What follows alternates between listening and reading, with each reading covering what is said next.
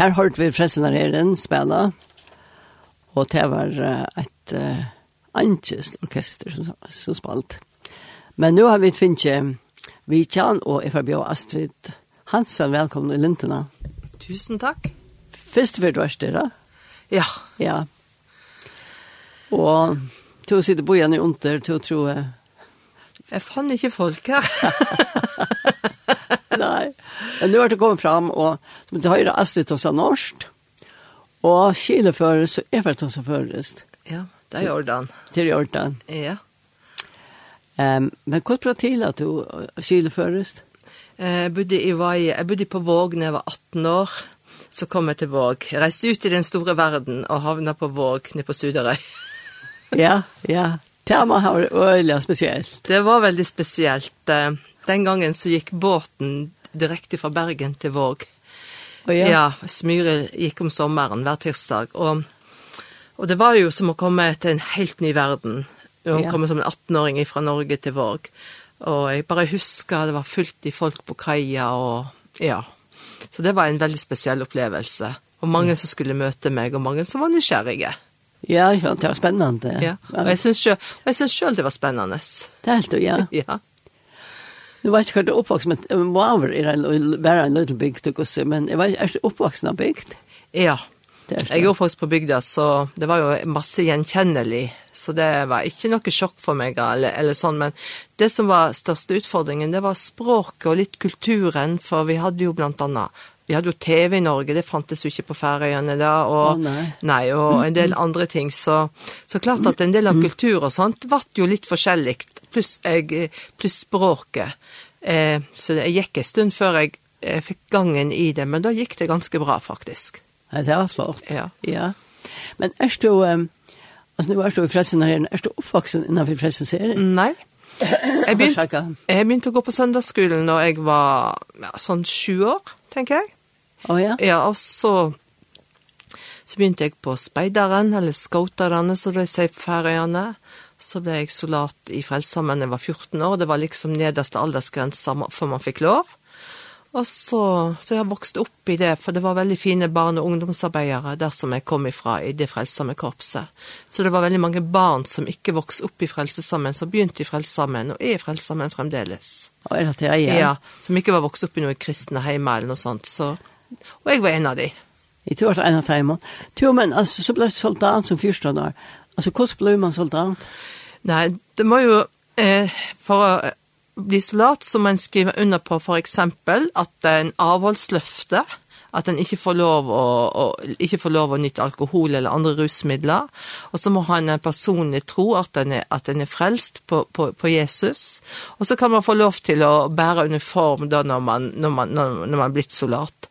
Så, så du må skrive under en del ting og stå for en del livsstil. Og det er jo jeg har tenkt litt grann på i 14 år å love noe sånt, men så, men så tenker jeg at vi skal ikke undervurdere unge mennesker som tar valg, tenker jeg. Det tenker jeg i min jobb også, jeg har en del med unge mennesker å gjøre, at hvis unge mennesker vil skal ta valg, så skal ikke vi si at du er for ung eller sånt, vi skal heller bare heie på dem og så prøve å hjelpe dem, tenker jeg. Ja. Det tror jeg er veldig viktig. Ja, första då, ja, det är nok så ungt, men ja. man vet inte hva kan man gjør. Ja, man man gör det, man vet hva man gör. Ja. Och så är det ingen av oss som vet hur livet vårt blir heller om vi tar någon valg i livet, så er det ingen av oss som vet vad hva veien videre blir, uansett hva valg vi tar. Nei. Men så jeg tror det er veldig viktig at folk kan få lov å ta valg. Ja. Så du ble soldat som første år, ja. kom og skulle du uniform? Ja. Hvordan var det?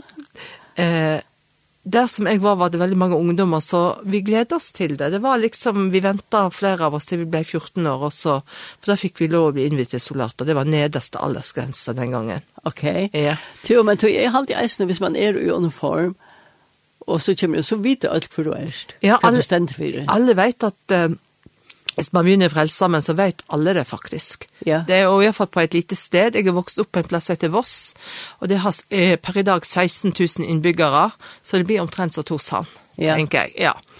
Eh, og, og det er ikke større enn at folk vet om familiene, og, og, vet, og, ja, og, vet, og, vet, og vet hvem de er. Så, men det var sånn livet var, og jeg tenkte ikke på at det var noe veldig sært, eller noe veldig spesielt, for det, frelse sammen hadde et god godt omdømme, og vi tar ta noen valg måtte vi ta, men vi var en fin ungdomsgjeng, så det gikk faktisk veldig greit. Så faktisk två høvesting man skriver under det, ba. det er til at man sier at man er personlig tryggvande, ja. og at man ikke rører rusevne. Ja, det er faen ikke. Alkohol og nei. Sånt. Ja. Så Frelsesarmeen er vel egentlig kanskje en av de få menigheter man melder seg inn i, der man skriver under på at man ikke får lov å bruke rusmidler. Ja. Og jeg synes, og, og det har jo vært store diskusjoner i Frelsesarmeen i Norge om det, men jeg synes det er bra at det fortsatt er sånn. Ja. Og jeg spurte en del av våre ungdommer som er her, for her også blir 14-åringer soldater i, i Torsan. Og, og, Og de er også faktisk veldig glad for når 14-15-åringer kommer til meg og sier at de vil, altså i Torsan, og sier de vil være et eksempel. De går jo i håndballmiljø, de går jo i andre miljø, ja. så synes jeg det er flott. Ja. Jeg synes det er flott. Og da ønsker jeg å heie på dem. Ja. Og hjelpe dem og støtte dem. Og ja, ja. ja. For, det, for vi har noen flotte ungdommer bort hos oss også, faktisk, som har blitt soldater i veldig ung alder. Ja, er det det, ja? Ja, nå har vi også en 14-åring som skal innvies i løpet av våren, så det, er, så, så det, så det blir soldater når de er 14 år på færøyene og får seg uniform. Til å innvoie, altså, så man hever en, en ja. godstjeneste. Men ofte, eh, fleste blir, ja, det blir innvitt på en gudstjeneste, ja. der vi kommer kanskje da i uniform for første gang, og så avlegger de ofte sitt vittnesbyrd, og så ber vi for dem. Og så fører vi de inn der som, som, eh, som soldater. Men du kan jo også bli andre sorter medlemmer hos oss. Du kan bli for eksempel tilhørig, der bærer du ikke uniform. Du skriver heller ikke under på et avholdsløfte. Men, oh, ja. nei, men hvis du skal bli soldat og gå i uniform, så må du det. Uniformen är det jack och allt bara vet man. Ja, jack jack och skjort eller jack och nerdel eller jack och boxer sån svart klassisk uniform. Ja. Ja. Ja. Då då och då är man och då är det en del valg man måste ta i livet. Ja. Ja.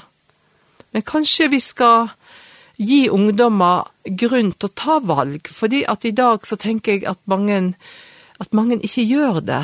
Og, og når noen ønsker å ta valg og være for eller imot noe, så tenker jeg, ja, men da skal vi støtte de, tenker jeg. Jeg halte eisen til, som med har unga rammer helt til. Nei. Det er jo ikke, ja. Nei, og jeg tror det hvis ungdom vil ha rammer, så skal vi være med å hjelpe de og gi de det, tenker jeg. Jeg tror ja. det er sunt for de, rett og slett, ja. å stå, og hjelpe de å stå for noe. Jeg halte eisen til at man føles tryggere.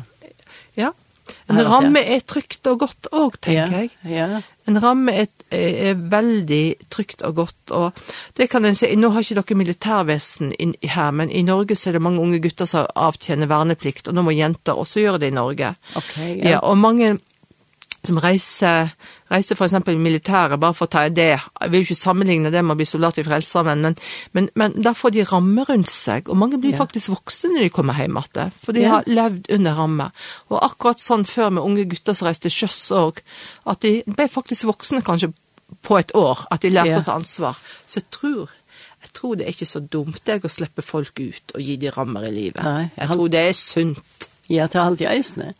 Jo, men så ble du soldat, og så har han fått vågjør innenfor fresten her. Ja, jeg jobbet jo, jeg var jo, jeg var 18 år når jeg kom til Våg, men jeg var jo, jeg gikk jo på skole, og drev sånn som ungdommer flest gjør, og hadde venner og sånt. Men når jeg var 18 år, så hadde jeg frelsa, men hadde det sånn ettåringssystem, at man kunne gi et år av ungdommen og være ute. Og det var i den forbindelse jeg ble spurt om å reise til, til Færøyene. Ja Og jeg tenkte, ja, men det kunne jo bli interessant, tenkte jeg. Og visste du hva førjen var? Ja, omtrent. Ja, jeg vet ikke. jeg visste det lå ute i havet en plass. ja. Så... Og hva skulle du gjøre hva igjen? Nei, jeg skulle være assistent på korpset der, drive barn- og ungdomsarbeid. Ja, det var det jeg skulle gjøre på Våg. Ja. Så det gjorde jeg, var der et lite år, og reiste da tilbake til Norge igjen. Ja. Ja, så, ja, så det året har gjort inntrykk, tenker jeg. Ja. Det har alltid jeg til, og så til det kom alt til Norra, så så helt du fram og i fredsene her nå? Ikke, nei, ikke, heilig, ikke før jeg, når jeg var 20 år, jeg jobbet et år, og så når jeg var 20 år så begynte jeg på Frelsermens krigsskole, så heter det, eller Frelsermens offiserskole, så heter det nå, som den gangen var i Oslo, for oh, ja. å bli frelsesoffiser. Og da gikk man to år der. Så det er en bibelskole, eller hva? Det er både bibelskole, praktisk skole, og ja, de har veldig mange fag, sosialfag, absolutt Den gangen så var det to linjer, noen for de som skulle ut i sosialtjenesten, og de som skulle på feltet, sånn som jeg skulle, som skulle ut i evangelisk tjeneste. Og så gikk jeg der i to år, og så ble jeg utnevnt til frelsesoffiser, og så fikk jeg ordre til Vatsø i Finnmark. Altså ordre til det? Ja, ordre, ja. jeg visste okay. ingenting før jeg fikk det. Og det er Nord-Norge? Ja, det var det oppe i Finnmark i Nord-Norge, yes. Ok. Og hvordan går det vært da? Nei, da var jeg 22. Da var du ensamhet ute og hei. Nei, jeg var sammen med en annen, en dam som faktisk bor på Færøyene, ei som heter Åse Toril Våg. Ok, yes. ja. Og er gift her på Færøyene nå. Så, så da, da reiste jeg til Vatsø. Men jeg synes for meg den gangen så var det mitt livs eventyr. Jeg var veldig eventyrlysten, ja. og synes at det var helt ok. Ja. Så her var det nærke av togene, ja? Ja.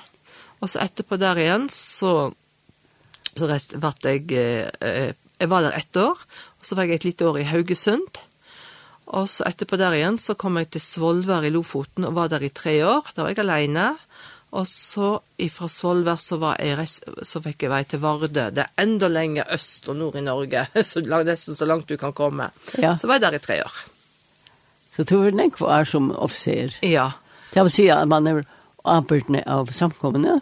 Ja, ansvar for det i samk samkommende og ansvar for folk og står. Du står som pastor i den menigheten. Ja, pastor. Du var, ja, så hvis du skal sammenligne det med en vanlig frimenighet, ja. så gjør du jo det. Så, ja. så dermed så... Men jeg synes at det var noen gode år. Jeg var ung og... Ja, fremadstormene er ikke det man er når man er i begynnelsen på 20-årene. Ja, og jeg var eventyrlysten, så, det, ja. så derfor så gikk det veldig greit. Ja, ja. Og jeg tror det er greit og at når man er ung at man er litt eventyrlysten, for da tar man ikke ting så veldig tungt. Nei, og så er det det som man skal oppleve at det er ta. Ja. Med man er ung. Ja. Ja. Så jeg, jeg halte vi for det nå at jeg kan akkurat sang ja. i midtelen. Skulle vi tenke en, det er fyra forresten her nå. Guds nøye med bær. Ja, Guds nøye med bær. Det er en av mine, det, oh, det er et godt valg, det er en av mine fineste sanger. Ja. Ja, det er en sang jeg er veldig glad i. Ja, han er nesten god, og det synes jeg godt. Ja. God snøy med bær.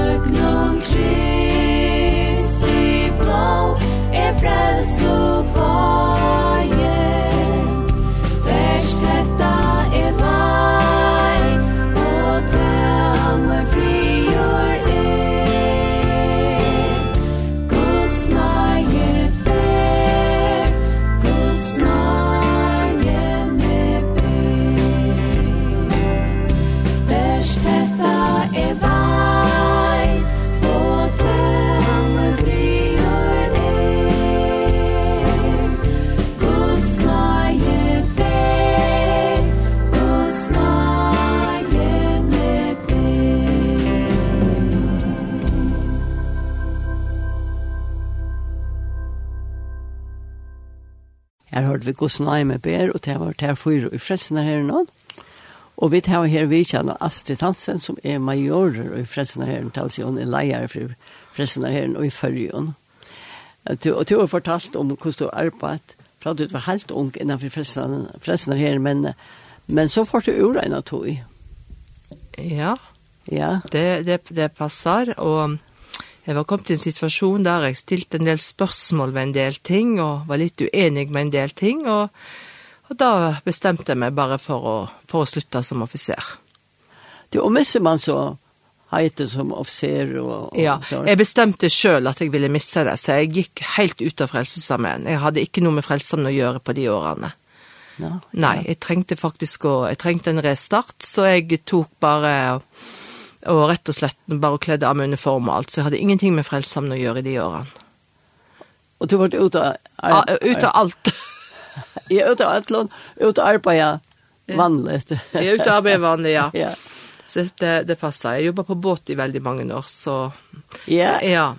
Jeg leste at du var arbeid i Horsteruten, og så kom jeg i tanke om at det var en tur i Horsteruten, og nå kjenner jeg noe trus. Ja. Og det, det var helt løst, og vi kom til Polarsirkelen og alt det her. Det var en fantastisk oppleving, ja. Ja. Ja. Så här er det värre. Ja. Vad gjør du ombord? Jeg er utdannet forpleiningssjef, så jeg er utdannet stuart, så jeg har jo et ansvar for de som vasker og lager mat og alt sånt. Så jeg har, ja, så jeg blir vel samme som sånn hotellsjef hvis jeg hadde jobbet på land, holdt det, ja. Det er til store båter? Ja, store båter, ja. Så, men jeg begynte jo ikke så, der, jeg begynte jo egentlig helt på botten av, og så tok jeg og utdannet meg da til forpleiningssjef mens jeg jobbet. Og gjør du det? Ja, ja, ja, for jeg var så pass ung når jeg begynte i frelse samman at jeg hadde bare rekt og gått ett år på handelsskole. ja, ja, ja, ja. ja. Så, så dermed så Så jobbet jeg i mange år for et rederi på Vestlandet som drev med passasjerbåter, ikke hurtigruter. Så, så jobbet jeg noen år der. Og jeg hadde egentlig det helt greit. Jeg hadde livet mitt på stell og alt. Men så følte jeg at jeg hadde egentlig sagt frelsa, men Gud farvel. Men jeg følte det lå et eller annet inne her som jeg burde gjøre noe med. Og jeg, ja, og jeg tenkte at eh, ja, at eh, kanskje det var noe annet jeg skulle bruke livet mitt på. Ja. ja, og det ble faktisk så slitsomt at jeg valgte å gjøre noe med det. Og jeg hadde ikke vært på noen møter eller noe så helst, eller aktiv i noen kristen sammenheng, men jeg følte at dette her ble så påtrengende, så at jeg faktisk bare måtte gjøre noe med det. Ja. Og så... Guds kall, eller? Ja, et, ja, men jeg tror jeg kan kalle det Guds kall, for, ja. ja. Og da bestemte jeg meg for at jeg skrev et brev til Frelsesarmeen den gangen, og spurte om det var noen mulighet for videre tjeneste, og hadde de sagt nei, så hadde det vært helt greit. Men de sa ja, så jeg ble invitert inn til en samtale, og da skjedde ting veldig fort. Så det var ikke så mange måneder senere, da satt jeg oppe på Røros, midt i innlandet. Men det ble sju lykkelige år, så det var en flott tid. Og ta først i uniformater. Ja, ja, det gjorde jeg, absolutt. Og det var jo litt sånn traumatisk da, men det gikk veldig greit. Ja, det var godt. Ja, ja, ja. ja. Så, da, så så da satt jeg der, var jeg der i sju år. Og så etterpå der, så var jeg fem år i Skien. Og så har jeg faktisk vært på heimplassen min i nesten ti år, og det handler om at jeg fikk gamle foreldre, oh, som jeg, jeg ja, som jeg syntes var litt vanskelig å reise fra. Men nå er de borte og hjemme hos Herren, så nå kan jeg gjøre som jeg vil. Du har vært øyland, altså, du har vært øyland på år og i fresten her, etter med øvligånd. Ja. Ja. Frelsesdagen har jo vært en stor del av livet mitt. Det vill vara jag tar inte på alltså ta ett år som lejare här och kanske ensam som lejare. Så man man har också att du ska ta sig vid folk och du ska tälla och du ska välja och det tänker i mig. Så man man har också som man kan färda till och ta sig.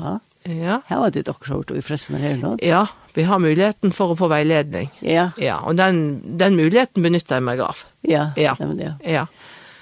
Jo, men nu kom så så fick du en kattel dig. Ja, jeg, jeg fikk et spørsmål, rett og slett. Ja. Oh, ja. For, fordi at jeg, jeg hadde, jeg, altså hva som jeg sa, min, uh, mine foreldre var borte, det gjorde at jeg var veldig lenge på, mitt, på min hjemsted uh, som offiser, og det var jeg så heldig at frelsesarmen lot meg få lov til det, så jeg var leder for det korpset jeg kom ifra, pluss et lite korps til, og, og da var jeg, følte jeg det at jeg hadde lyst til å gjøre noe annet før jeg pensjonerte meg. Og så ble jeg spurt om jeg ville reise til Færøyene, og jeg var litt sånn, jeg synes det er utgangspunktet at jeg var alt for gammel til det. Men oh, ja. så Men så vart det sånn at jeg havna nå her da. ja, da visste jeg ikke hva det var. Ja, jeg visste det, da visste jeg godt hva det var her. Ja. Og jeg visste hvor havn var, og jeg visste alt det andre. Men var det ikke brøyt nå fra at du var? Ja, jeg synes samfunnet her er veldig brøyt faktisk. Ja. Det er ikke, og når du kommer tilbake etter så mange år, så ser du det veldig godt. Jeg tenker det også. Ja. ja. Så samfunnet er veldig brøyt her også. Ja. Ja og det, men det er noe som er bra. Det synes jeg at kristne mennesker snakker litt bedre sammen nå enn de gjorde før. Ja. Det synes jeg er veldig bra. Vi er alle søsken, og vi skal alle på samme plass, så det ja. er veldig flott. Det er den gode brøytningen. Ja. Men så var kanskje folk litt mer religiøse her før, for så mange år siden, for over 40 år siden, ja. så var de nok det. Ja det eller mer kristen eller gikk mer på kristent arbeid. Det har forandret seg, det ser jeg. Det har vært så østene. Ja. ja. Men det er, men det gode, som jeg sier, det er at en del, at nå snakker kristne folk sammen som søsken, og det synes jeg er veldig stor pris på. Ja, det er resten fantastisk. Jo, men, um, og så er du her på en, men det du er uh, majora. Ja. Altså, har du arbeidene for ødel forrige? Altså, hva har du arbeidene? Jeg er økesleiere, heter det. Å oh, ja? Ja. Så jeg har ansvar for frelsessammen på Færøyene, ansvar for korpset. Jeg har en, fem, en prosentstilling der også som, som leder. Og så er det også ansvar for de som er i Våg. Å oh, ja? Ja, så jeg har ansvar for området her. I, ja. Eh, sosialtjenesten, de kjører eget løp, holdt det på seg, men allikevel så er jo jeg en del av det løpet. Jeg sitter i styret og alt for frelsessammen på Færøyene. Ok. Ja herberge og... Ja, herber, ja. det er herberge og frelse ute på eie. Ja. De er jo inne og frelser med sosialtjeneste i Norge, men jeg sitter jo i styret for de, for de institusjonene. Ja, det er fantastisk arbeid som de gjør. Ja, absolutt. Ja. Og det er jo en del av frelsesammens arbeid det også. Ja, til forresten så er det er, ja, det er, det er som William Booth kommer vi, ja. Ja. Vi är bare at uh, hjelpe og ja, soaps. Ja, suppesoppe frelse. Det var ja. egentlig brukt som et skjellsord mot frelsammen, men de tok det etter sine motto, faktisk. Gjør det til? Ja, ja. Det, var et, det var et skjellsord.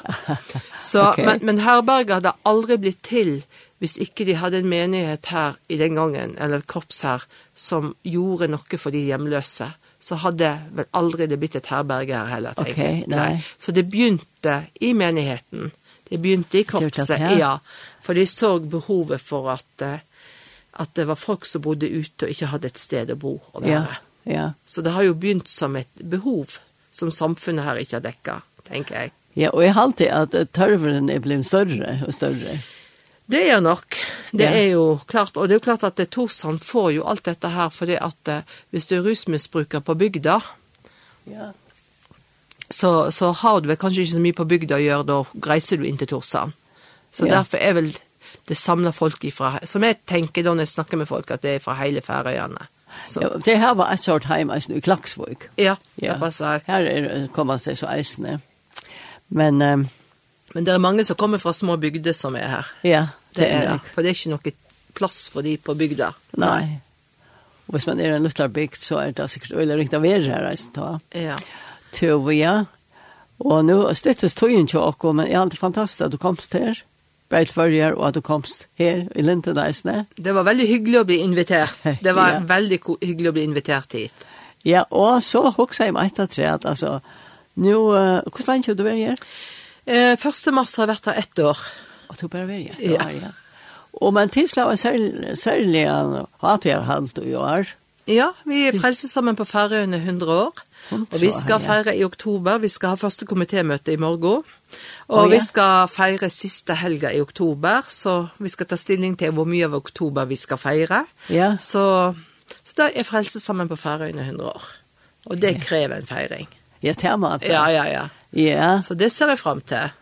Det er eisen sett så en dam av følger frestnareren. Altså det er preka følger nek. Ja. Ja, og Ola søker ikke om det, men eisen er annet. Ja, og det ser jeg spesielt på veie, der kanskje enda mer, på grunn av, okay. at, på grunn av at det er et mindre samfunn. Ja. ja. Og det er det det dreier seg om, at det er et mindre samfunn. Ja. For de driver veldig godt ned på Suderøy òg. Ja. ja, de gjør det. Det er jo godt. Jeg vet at her på en samlas menn og så. Ja, de har, ja, de har ordet på bordet. Det bruker være en mellom 40 og 50 mannfolk der hver tirsdag klokka ja. halv ti. De driver et bra barnearbeid, og så der de og driver veldig godt opp nere på Sudderøy. Ja. Så de gjør en god jobb, de som er der. Ja, det skiljer jeg, ja. ja. Så ja. Jeg vet ikke hva du har at uh, sier her til søst. Nei, jeg får jo bare, eh, hva jeg skal si, jeg får vel si som en god frelsesoffiser da, at jeg får ønske folk det beste, jeg vet nemlig Guds velsignelse, og at jeg er glad for å være på Færøyene, og jeg synes det er mye flotte folk her. Det er det absolutt.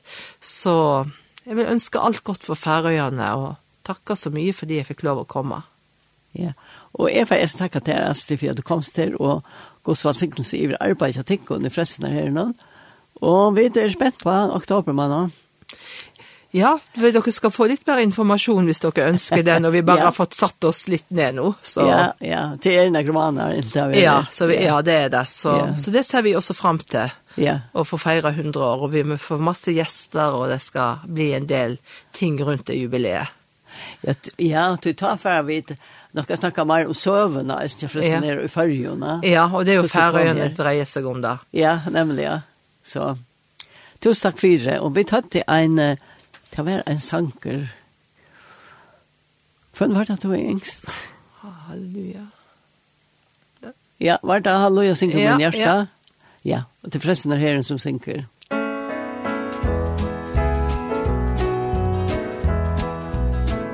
Halleluja synker